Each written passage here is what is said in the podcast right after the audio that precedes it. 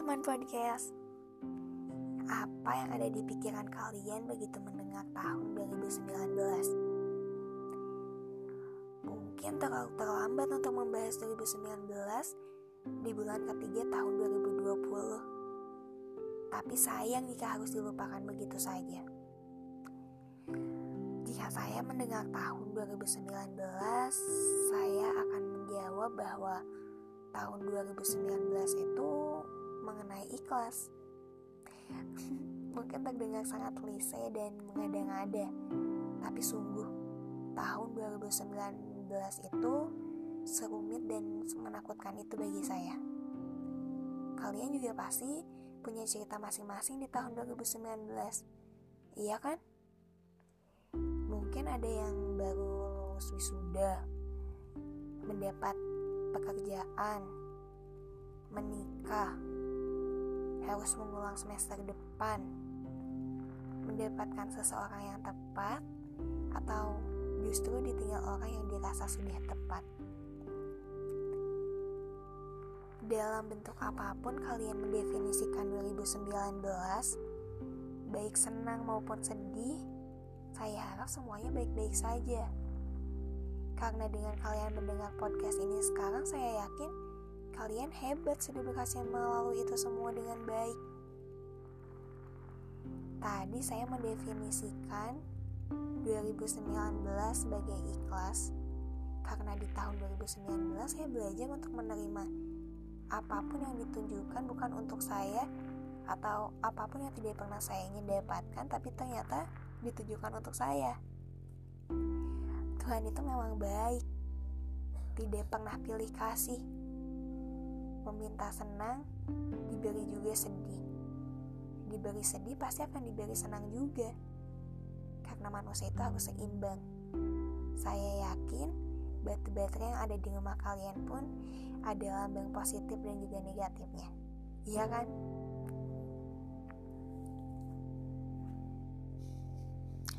Di tahun 2019, saya juga kehilangan sesuatu yang tidak pernah saya inginkan.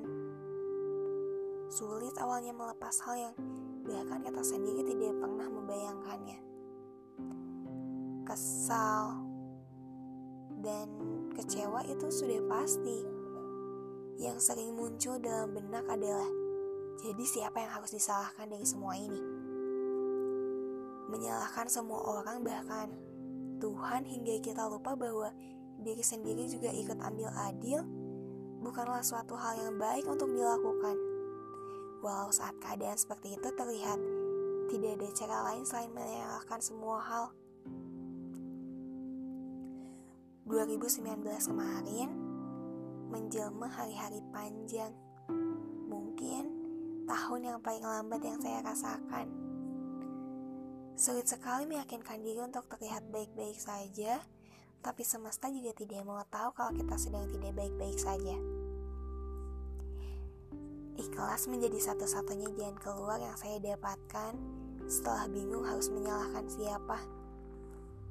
Ketika ikhlas, tentu saja hal pertama yang harus kita lakukan adalah berdamai dengan diri sendiri.